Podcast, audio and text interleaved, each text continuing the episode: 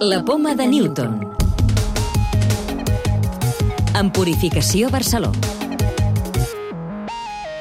Es confirma la relació entre la diabetis i la progressió de l'Alzheimer. Us ho expliquem en el programa d'aquesta setmana, en el qual també descobrirem una recerca puntera per intentar tractar malalties neurodegeneratives i medulars i les possibilitats dels testos de saliva per detectar infeccions com el SARS-CoV-2.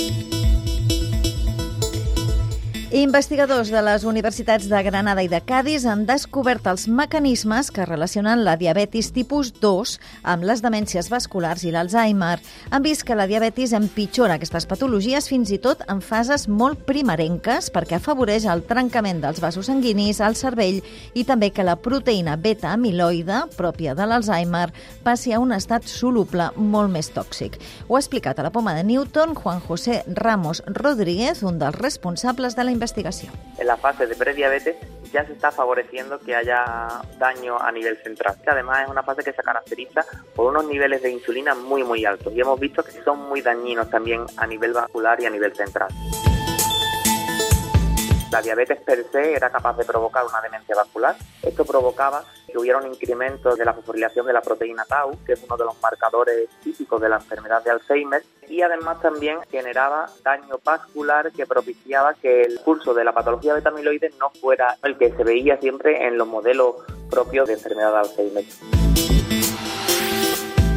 descubrimos que el beta-amiloide se estaba quedando en un formato soluble, que es mucho más tóxico porque puede entrar y salir libremente de la célula y genera estrés oxidativo a todos los niveles. Y esto era lo que estava acelerando el proceso de demencia que veíamos en estos animals. Els resultats d'aquest estudi ofereixen una nova diana terapèutica i per això aquests investigadors ara volen estudiar si el fet de tractar la diabetis pot frenar l'evolució de l'Alzheimer.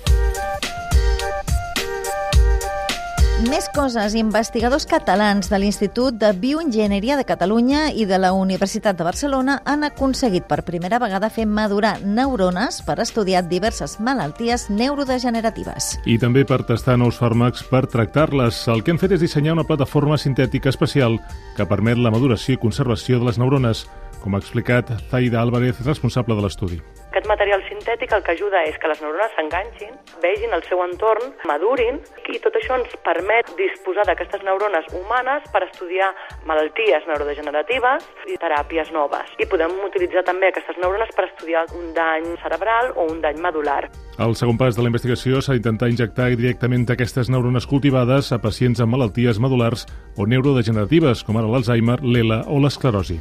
Mesurar els anticossos a la saliva pot ser una bona estratègia per detectar infeccions com el SARS-CoV-2. És el que explica un estudi conjunt entre Is Global i l'Hospital Sant Joan de Déu, que demostra que analitzant els anticossos en la saliva en lloc de fer-ho en sang és molt més senzill i fins i tot més eficaç que amb altres proves, com la PCR.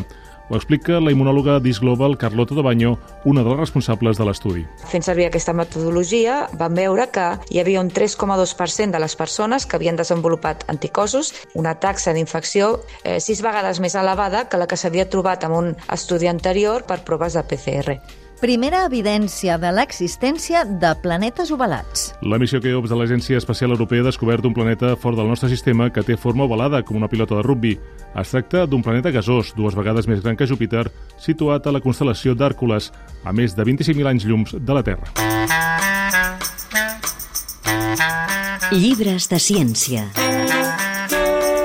La proposta d'aquesta setmana és un llibre que ens descobreix la complexitat d'un dels insectes més comuns, les formigues. El llibre Històries del mundo de les hormigues del prestigiós naturalista Edward Wilson ens descriu les interioritats d'una vintena d'espècies d'aquest insecte. Descobrirem que les formigues poden olorar, assaborir i parlar entre elles i també lluitar per ser dominants i per eliminar les colònies enemigues. Es tracta d'un relat emocionant ple d'il·lustracions i fotografies on també descobrirem la singularitat d'algunes espècies d'aquests insectes, com les formigues de foc, les guerreres, les talladores de fulles o les exòtiques formigues toro. Es tracta d'un llibre que combina la ciència amb les anècdotes personals, destinat a qualsevol que vulgui submergir-se en el món d'un dels animals més petits però alhora més interessants del nostre planeta. La clau de volta. És el mateix l'edat cronològica i l'edat biològica? Jordi Jiménez Conde, investigador de l'Hospital del Mar.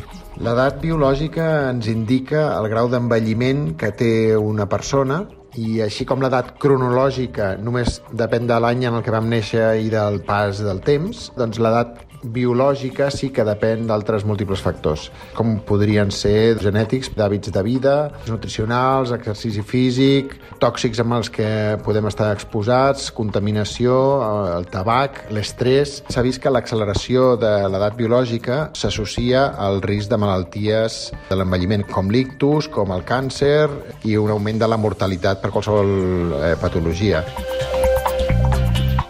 Recordeu que podeu descarregar-vos el podcast de la Poma de Newton o subscriure-us al programa per rebre'l directament als vostres dispositius.